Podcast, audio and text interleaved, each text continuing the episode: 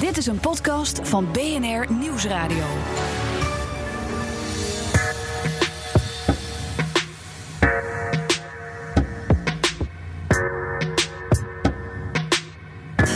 Welkom weer bij de grote Data Podcast Roadshow. En vandaag maken we een uitstapje naar Straatsburg om met D66-Europarlementariër Sophie Intveld te praten over de vraag waarom de General Data Protection Regulation eigenlijk nodig is. En we kunnen naar Straatsburg omdat Microsoft ons financieel ondersteunt.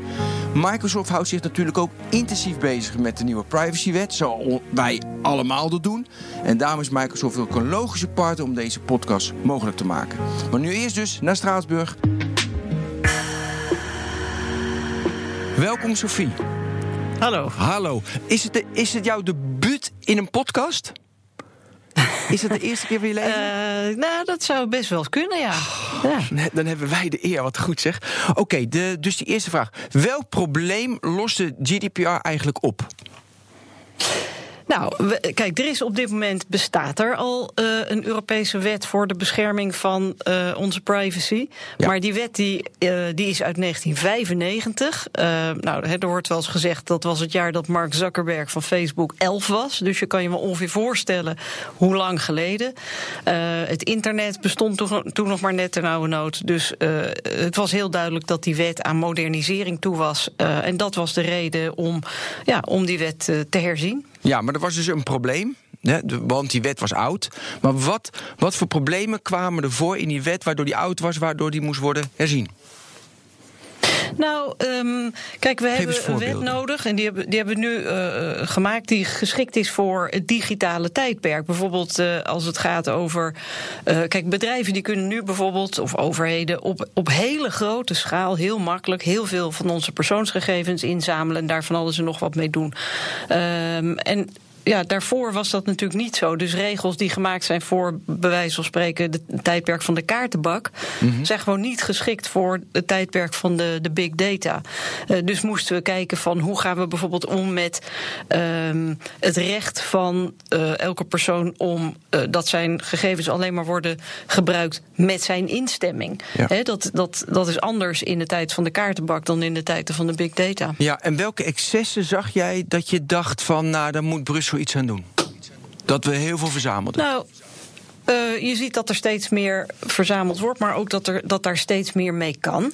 Um, dus het is terecht dat we, dat we daartegen beschermd worden, dat onze rechten uh, beschermd worden. Um, en dat dat niet meer komt met die oude wet. Um, overigens is dit niet de enige wet. We zijn nu ook bezig met de modernisering van de wet die gaat over uh, bijvoorbeeld chatfuncties, het beschermen van je privacy in een, in een chat of in, in als je een mailtje stuurt of berichtjes stuurt. Mm -hmm. uh, dus je ziet dat er, dat er uh, omdat de technologische ontwikkelingen zo snel gaan, ja, moet je zorgen dat onze privacy en onze rechten ook. Hè, bijvoorbeeld um, het recht om vergeten te worden, zoals we dat noemen. Dus het recht om de informatie over jou te laten wissen, uh, heeft natuurlijk een heel andere betekenis in de wereld van pakweg 25 jaar geleden dan nu.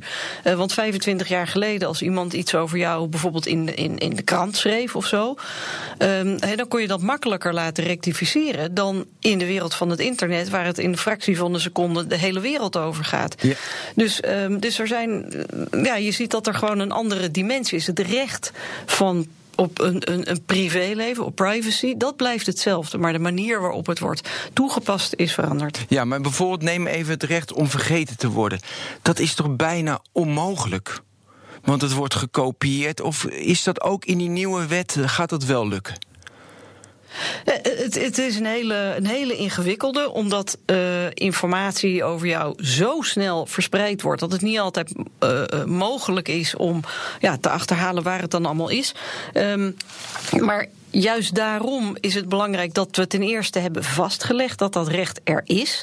Uh, maar ook dat bedrijven daardoor is wat nauwkeuriger gaan kijken naar hoe zij eigenlijk met gegevens van mensen omgaan. Want die nieuwe uh, verordening die legt uh, heel veel bij, verantwoordelijkheid bij de organisatie, hè, dus bedrijf of overheid, die persoonsgegevens verwerkt. Die moeten echt kunnen aantonen dat ze er alles aan doen om die gegevens te beschermen, zorgen dat het het niet lekt, om uh, te zorgen dat ze de instemming van, hebben van uh, de personen waar het over gaat, dat ze, uh, zich, he, dat ze gegevens alleen maar gebruiken voor doelstellingen die zijn, zijn, zijn toegelaten door de wet. Dus die hebben, ja. en die moeten dat ook aantonen, die moeten dat documenteren.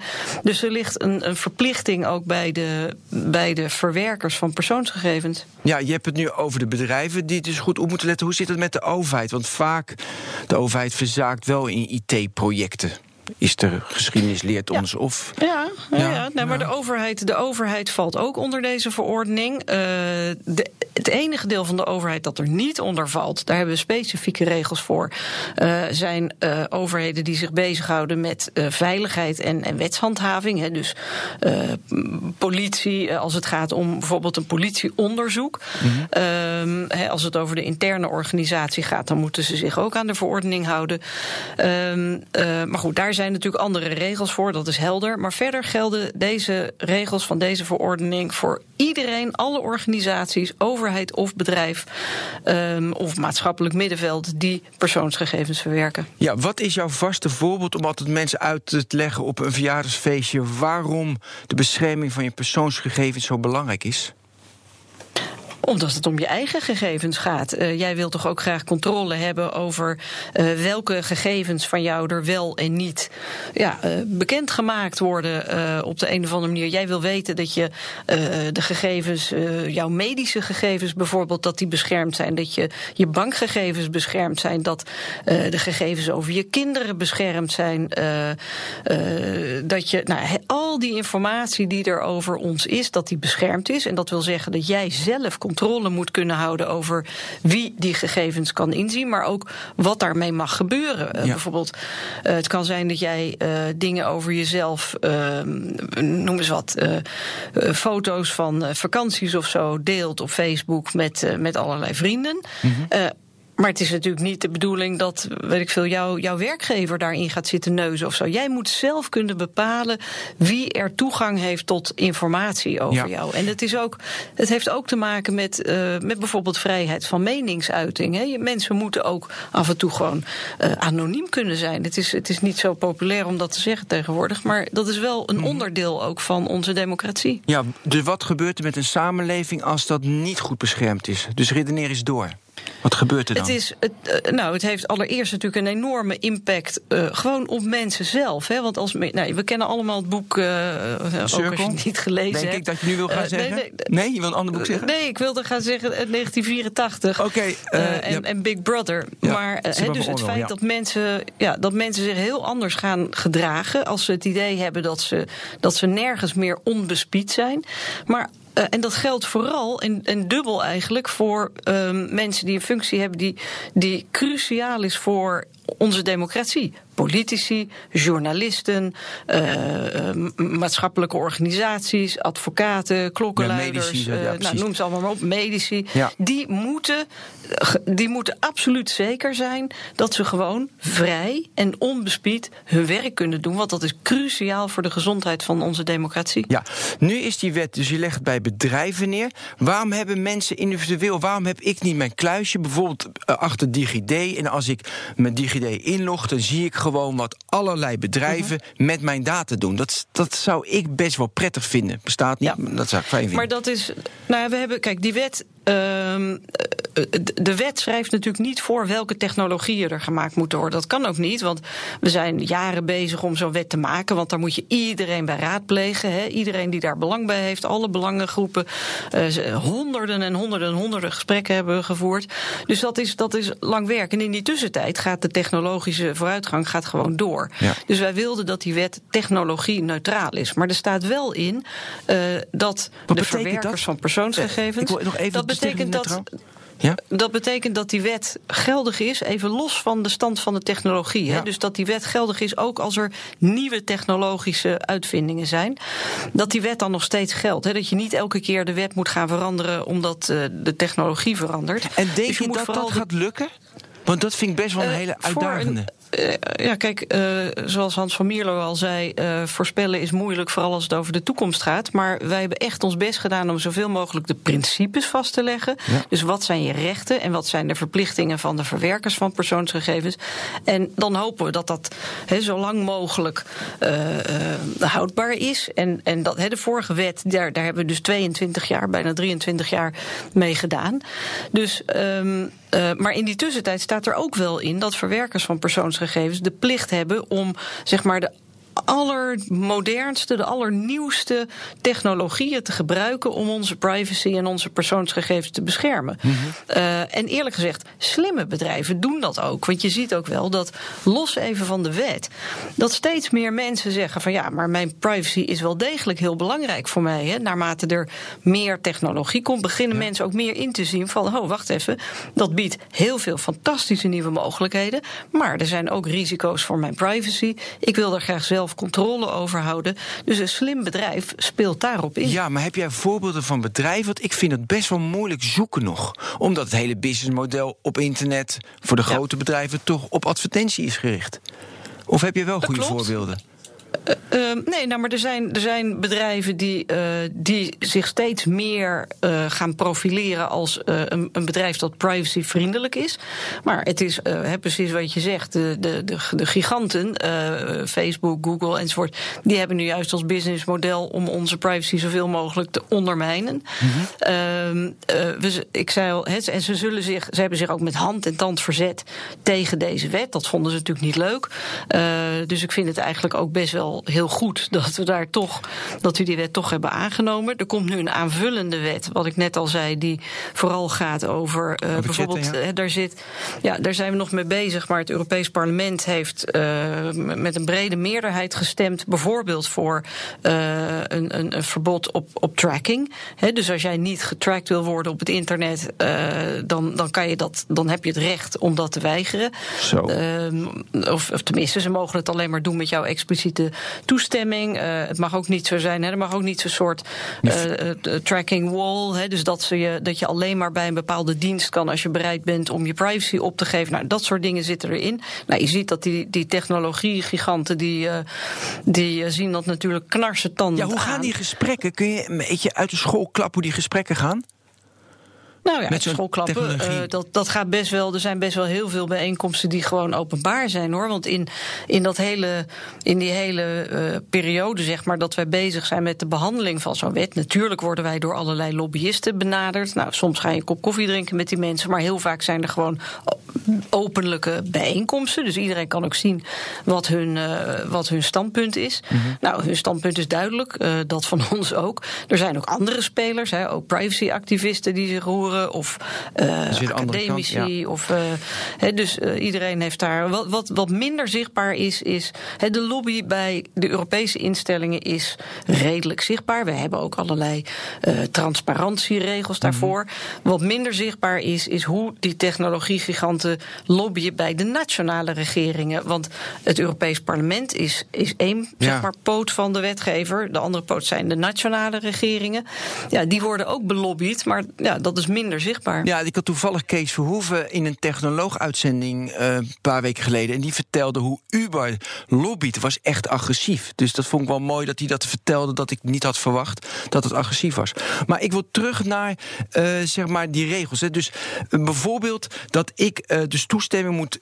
dus, de, dus de burger moet straks niet alleen toestemming geven om gegevens te laten gebruiken.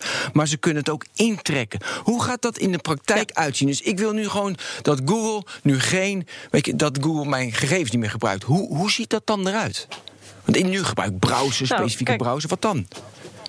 Uh, nou ja, zij moeten je, uh, allereerst zij moeten zorgen dat, dat, zeg maar de, uh, dat, dat, dat de standaardinstellingen eigenlijk privacyvriendelijk zijn. En ze moeten jou op een, hoe moet ik zeggen, op een, een eenvoudige en inzichtelijke manier de keuze geven. Hè, en jou ook om je, je instemming vragen. Dus ze mogen dat niet. Wat er nu gebeurt is vaak dat je, dan krijg je zo'n zo'n 40 pagina juridische tekst in het Engels. Ja, plus nou, vinkje zetten. Een... Of het is standaard een vinkje zetten. Nou, een vinkje zetten, weet je, dan heb je 40 Ja, ja nou, exact een vinkje zetten. Nou, Ja, ik, ik, ken, ik ken echt helemaal niemand die, eh, die dat leest en die begrijpt waar het over gaat. Dat mag dus niet meer onder die nieuwe wet. Ze moeten het echt zodanig aanbieden dat het begrijpelijk is voor iedereen, dat het duidelijk is wat je kiest. Nou, vervolgens, stel dat ze dat niet zouden doen, want ze gaan natuurlijk proberen om daar onderuit te komen, hè, want zo doen ze dat dan vaak. Eh, daarvoor hebben we de, de, de toezichthouders, hè, in Nederland is dat de autoriteit persoonsgegevens, hebben we eh, meer mogelijkheden, meer bevoegdheden gegeven. En ook de mogelijkheid om sancties op te leggen. Dus bedrijven die zich er niet aan houden, die kunnen sancties krijgen. Die kunnen oplopen tot eh, wel 20 miljoen eh, of 4% van hun omzet. Dus dat zijn echt forse sancties. Ehm, eh, verder is het ook zo dat je als, als gebruiker veel makkelijker naar zo'n toezichthouder toe kan stappen. Hè. Ook als stel, bijvoorbeeld, stel dat jouw jouw rechten worden geschonden in een ander land, Duitsland of Spanje of Hongarije of zo. Eh, dan kan je toch naar je eigen eh, autoriteit persoonsgegevens stappen. eh, en die moet dan zorgen dat jouw rechten vertegenwoordigd worden Ja. in, in een ander land. Dus het is echt voor de gebruiker is het beter geregeld. Ja, ik, wat wij wel, want we bellen natuurlijk rond naar bedrijven. En we hebben wel eens het idee dat ze het alleen maar doen om die boete te voorkomen. Weet je, dat ze mensen Hmm. veel zo snel mogelijk een vinkje willen laten zetten. Dan zijn we van die wet ook weer af. En we kunnen weer door. Dus ho- hoe, weet je, dus de autoriteit, ze hebben persoonsgegevens, hoe. Autoritair zijn ze, gaan ze echt optreden en gaat dat werken? Die twijfel heerst, nou, is wel in de markt, heerst dat? Of, of is dit Ja, maar echt goed, iets dat- je onzin? Dat kan ook, hè? Eh, nee, ja, goed. Bedrijven zullen we proberen daar onderuit te komen. Dat zien we ook op allerlei andere terreinen. Hè. We maken strenge eh, eh, milieuregels en daar komen bedrijven dan ook onderuit. Maar dat, Mhm.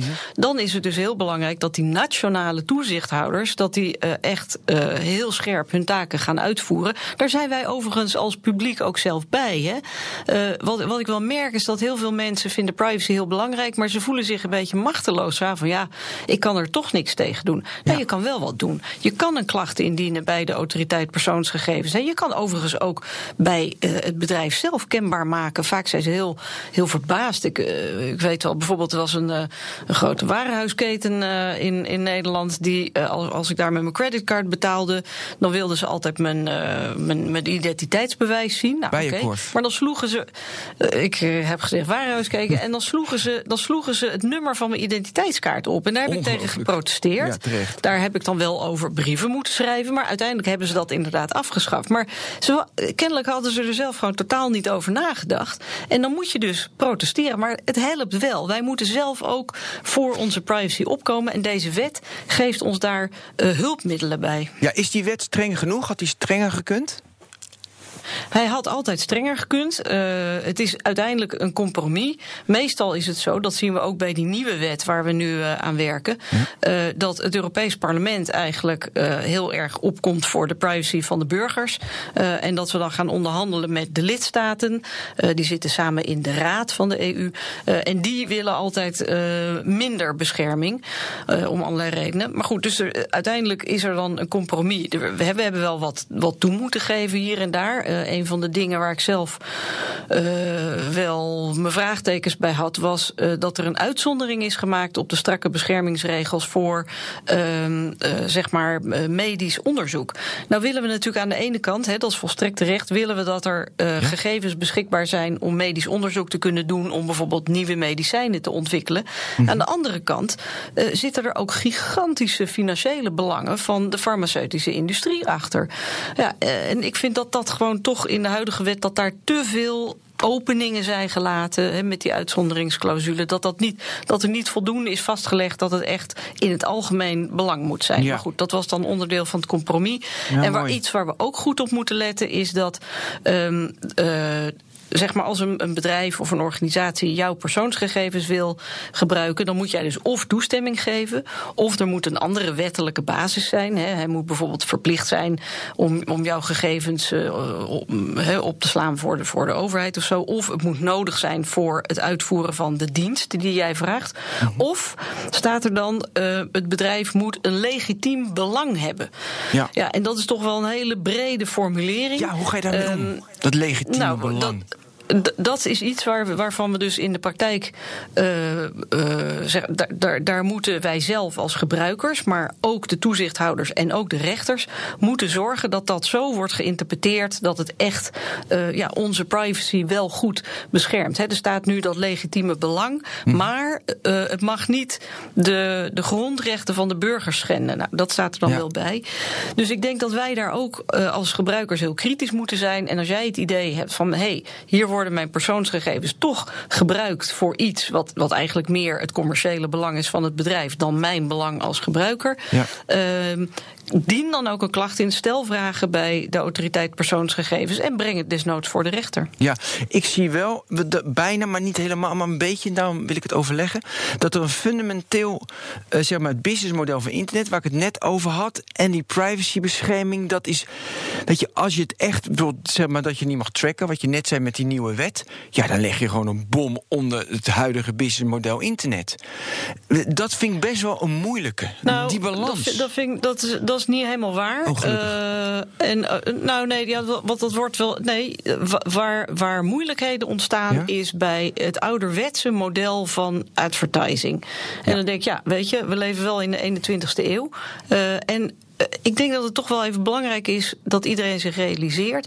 Privacy is niet een leuk politiek spelen dingetje. Privacy is een, wettelijk, een wettelijk recht. het, het, staat op dezelfde hoogte als bijvoorbeeld um, het recht op leven of het verbod op slavernij of, of, uh, of discriminatie, dat soort dingen. Je gaat ook niet zeggen, ja, dat verbod op slavernij ja, is toch wel een beetje lastig voor ons businessmodel, weet je? Ja.